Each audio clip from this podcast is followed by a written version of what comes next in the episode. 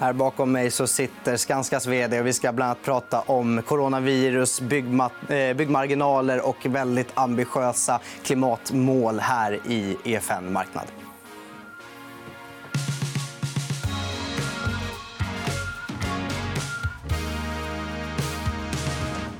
Då säger jag välkommen till Anders Danielsson till EFN Studio. Tackar.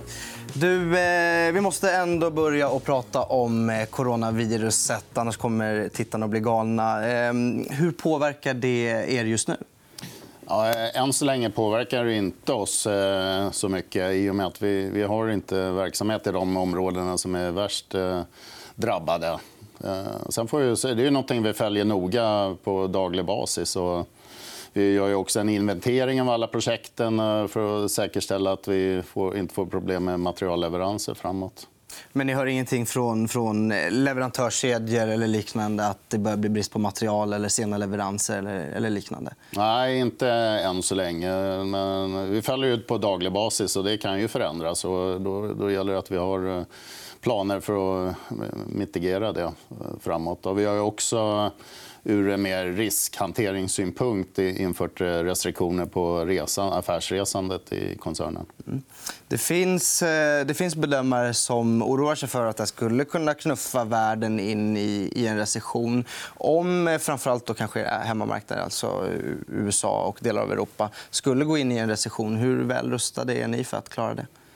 Ja, vi, för, vi, vi förbereder oss. och Det är för tidigt att säga vad, vad som kommer hända. Och vi är ett, eh, ett företag i en bransch som är volatil och väldigt beroende av eh, ekonomisk tillväxt i de marknader vi är verksamma i. Så det, det, är alltid någonting vi bevakar väldigt noga. Och det är också så att vi, vi agerar i, i, tid. Och det är en av fördelarna att vi normalt sett är sencykliska som, som bransch. Då. Och eh, det gäller att vara på tårna och agera i tid. Hur kan man förbereda sig när då branschen är så pass volatil? Man förbereder sig genom att eh, säkerställa att man har eh, resurser och eh, även materialleveranser för att genomföra de projekt man har. Att man har bra planer för det. Och sen gäller det att följa marknadsutvecklingen och följa hur orderingången utvecklas. Och det är ju någonting vi gör eh, veck veckovis och på daglig basis. Hur känner du med eh, orderstocken inför 2020? Känns det stabilt? Och är det så att om kunder får problem att de kan dra tillbaka ordrar? Hur ser det ut? Ja, det är inte speciellt vanligt. Eh, det ser vi väldigt lite av historiskt, eh, att kunder drar tillbaka order. Eh, däremot så följer vi orderingången väldigt noga. jag skulle säga att vid årsskiftet så hade vi en bra, bra orderstock. Vi, vi hade också en bra utveckling på orderingången under under 20, 2019 där vi tog bra med order där vi är starka, det vill säga i Norden och i USA där vi har en bra, bra position idag. Kändes 2019 lite ljusare konjunkturellt än 2018 som kanske var lite tröttare? eller? Ja, man kan säga generellt så har vi en fortsatt oförändrad stark marknad. Det vi kunde se under 2019 som förbättrades det var ju framförallt bostads marknaden här i, här i Sverige och till viss del även i, i Norge. Så där, där vi ser, ser vi en förbättring. Vi ser att eh, kunderna kommer tillbaka. De är, köparna är tillbaka. Men däremot ser vi en, eh, en tydlig trend att kunderna köper i ett senare skede av projekten. Och, och det är väl också på, på, grund av att det finns en viss osäkerhet i, i marknaden framåt. Men det, det positiva är det att vi, vi ser att försäljningen ökar. Mm.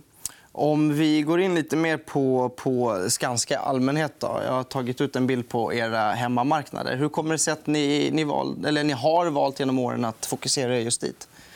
Ja, vi har, om vi tittar historiskt, eh, om vi går 20-25 år tillbaka i vår, vår historia så hade vi en kraftig expansion. Vi gick för, på, några, på några år och vara ett svenskt eh, företag till att bli ett internationellt eh, företag med Eh, drygt 20, av, 20% av eh, verksamheten i Sverige och resten utomlands.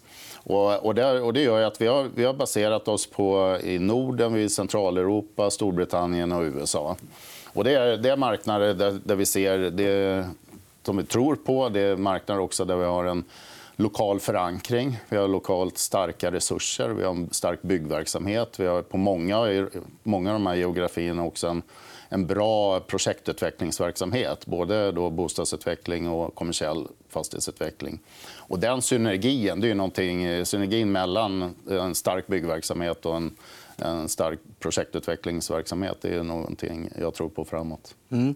När jag eh, tittar lite på, på era finansiella mål så står det ingenting om, om just tillväxt där. Eh, men däremot så listar ni tillväxtfaktorer sånt som kan hjälpa er att växa. Det är framförallt urbanisering och befolkningstillväxt. Ska man tolka det som att ert första alternativ för att växa inte är att expandera till nya geografiska marknader? Ja, det, när det gäller byggverksamheten så är det ju så. Där är ju lönsamhet före volym. Och min eh, ambition är att fortsätta lyfta lönsamheten inom byggverksamheten till vårt mål, som är 3,5% där låg vi på 2,4% förra året. Vi hade året innan 0,7 så att det, Kvartal för kvartal så ser vi en eh, stadig förbättring. Så där är mitt mål att eh, ha tillväxt på lönsamheten. Så att säga. Däremot när det gäller fastighetsutveckling, kommersiell fastighetsutveckling och vår bostadsutveckling där har vi ambition att växa. Och vi har också eh, ett par exempel. där. Vi har ju då under förra året gått in i en ny marknad i USA. Det finns i fyra städer redan idag, men vi har gått in i en femte stad, Los Angeles, och startat vårt första projekt. Och sen även på bostadsutvecklingen så har vi gått in och köpt mark i Krakow, eh, södra Polen. Och vi har även gått in med vårt koncept Bo klok och, och ska etablera oss i Storbritannien. Men det, det, låter som att även när ni då vill, vill växa med den verksamheten så håller ni er helst till de hemmamarknader ni redan har och växer i, i, inom dem. så att säga. Ja, ja men så är det. det är, det är där vi ser synergin. också. Att där vi har en stark byggverksamhet etablerad Eh, då är också, eh, har vi varit framgångsrika att eh, växa vår projektutveckling. Mm. Vi såg en, en bild fladdra förbi som visade hur, hur byggmarginalen har rört sig, bland annat, men också intäkterna. Och den gråa stapeln där man ser, den markerar när du tillträdde som vd. Innan var du vice vd. Och där ser man en klar marginalförbättring ganska snabbt efter att du tillträdde. Vad, vad är det som du har gjort egentligen? Är det decentralisering som vi pratade om lite innan du och jag? Eller? Ja, vi, vi, har inför, vi har alltid varit ett decentraliserat företag och kommer alltid att vara det. Men det vi gjorde det var att vi eh, drog ner på antalet funktioner och drog ner på huvudkontoret och fördelade ut ännu, ännu mer ansvar eh, ut till våra affärsenheter. Både, inte bara att leverera resultat kontinuerligt utan också att eh, kontinuerligt förbättra, ständigt förbättra verksamheterna. Så där ligger ett större ansvar eh, ute, ute i vår decentraliserade organisation idag. Men sen gjorde vi också kraftiga omstruktureringar i Centraleuropa. I Polen genomförde vi eh, en ny strategi där vi håller oss till sju städer istället för att vara utspridda över princip hela landet. Så där i princip halverar vi verksamheten. Vi genomförde saker, liknande saker i Tjeckien, Storbritannien och även i USA. Så att jag skulle säga de strategiska åtgärderna det är det vi ser resultat av eh, nu i resultatförbättringar. Men vad var det som gjorde att ni hamnade där marginalmässigt från början? där nere?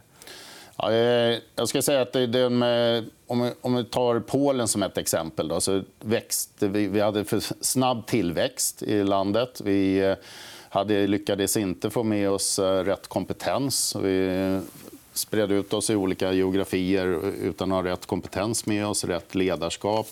Eh, vi hade inte heller rätt eh, processer på plats och eh, vi lyckades inte heller genomföra eller implementera dem. Så det, det är så att säga, grundorsakerna till att det gick fel. Eh, när jag pratar med eh, Thomas Karlsson på NCC så är även hans fokus på just eh, marginaler och effektivitet. Är det en överetablering internationellt inom byggnischen? Eller vad är det som gör att man måste hålla tungan så rätt i mun för att hålla hyggliga marginaler? Ja, det är en bransch där det är, hård konkurrens. Det är väldigt så att säga, lätt att flytta sin verksamhet också. Det krävs inte Eh, väldigt mycket kapital för att starta en byggverksamhet. Eh, och det är också en bransch där eh, det krävs, det krävs ett antal grundläggande faktorer för att vara framgångsrik. Det är en lokal marknad, det är en lokal bransch. Det krävs att du har lokala resurser som kan den lokala marknaden. Så att det, det gäller att ha rätt team på plats, det gäller rätt processer på, på plats och det gäller också att säkerställa att de processer man utvecklar att de implementera så att man följer dem. Så att man har, det handlar om allt ifrån hur man selekterar projekt till eh, hur man eh, genomför eh, kalkylering av projekt och riskanalyser, planering, inköp. Och det är ett antal grundläggande saker som måste vara på plats för att man ska lyckas. Tror du att det kan komma en, en konsolideringsvåg eller är de aktörer ni konkurrerar med nu så pass, så pass stora att nej, men marknaden kommer nog förbli som den blir? Så att säga? Jag, jag tror det, det är en väldigt internationell eh, konkurrens idag. Vi ser det på alla våra marknader. att Det är väldigt stort inslag av internationell konkurrens. och Det kommer, det kommer att stanna. Det, så att det, det är väldigt eh, eh, svårt att förutse. Utan det vi får hantera det är att säkerställa att vi väljer projekt där vi ser att vi har rätt resurser, att vi har konkurrensfördelar som kan göra att vi eh, blir lönsamma och tjänar pengar på projekten. Det är, det är första prioritet. Det är lönsamhet före volym. Eh, ni har som mål att ni ska vara klimatneutrala redan 2045. Och 2030 ska ni ha reducerat koldioxidutsläppen med hälften. Det är väldigt ambitiöst. Hur ska ni lösa det här? Ja, det är ett ambitiöst mål. Och eh, det, och jag tycker det är helt rätt. också. Det, själva branschen, industrin, står ju för en stor del av utsläppen. Eh, men det är också den goda nyheten är att vi är en del av lösningen. också. Och det finns, tekniken går så oerhört snabbt idag. Vi har ju redan sett eh, en minskning av våra koldioxidutsläpp som vi, som vi mäter vi har satt ett basår då på 2015 för att lyckas med, med det här målet. Och vi, ser, vi mätte det här under senast förra året. och då har vi redan eh, nu lyckats med en eh, minskning på ungefär 28 utifrån den nivån vi hade 2015. Så det, det händer mycket i branschen med elektrifiering och smartare lösningar och det är solpaneler. Och det händer väldigt mycket och där ska vi vara i framkant. Tror du att Eh, det hållbarhetsarbetet kan bidra till att eh, förbättra lönsamheten ytterligare? Eller? Ja, absolut. För det, vi, det vi ser, det vi, utveck, det vi utvecklar själva med kontor och även bostäder där, som är väldigt miljöriktiga. Vi ser att de är mer attraktiva också. Både för hyresgäster och investerare som vill sitta och ha verksamhet i en miljöriktig byggnad. Och vi ser samma, sak, eh, samma trend på bostadssidan. Eh, sen handlar det även om att minska på resurs, resursåtgång. Och det i sin tur sänker kostnader. Mm. Så det är, det är bra både för lönsamheten och för miljön. Ehm, för att runda av. Jag har en bild på hur kursen har gått sen du har tillträtt. och Det är slagit index. Ehm, hur, eh, vad, vad, kan man förvänta sig som, eh, vad kan marknaden förvänta sig från, från Skanska under det som är kvar av 2020? Ja, marknaden kan förvänta sig att vi kommer eh, envist och enträget fortsätta att arbeta med att lyfta lönsamheten inom byggverksamheten och fortsätta att leverera starka resultat inom vår projektutveckling. Anders, tack snälla för att du kom hit. Tack. Och det var allt som EFN Marknad hade att bjuda på idag. Imorgon kommer Martin Nilsson och då blir det aktiecase. Missa inte det.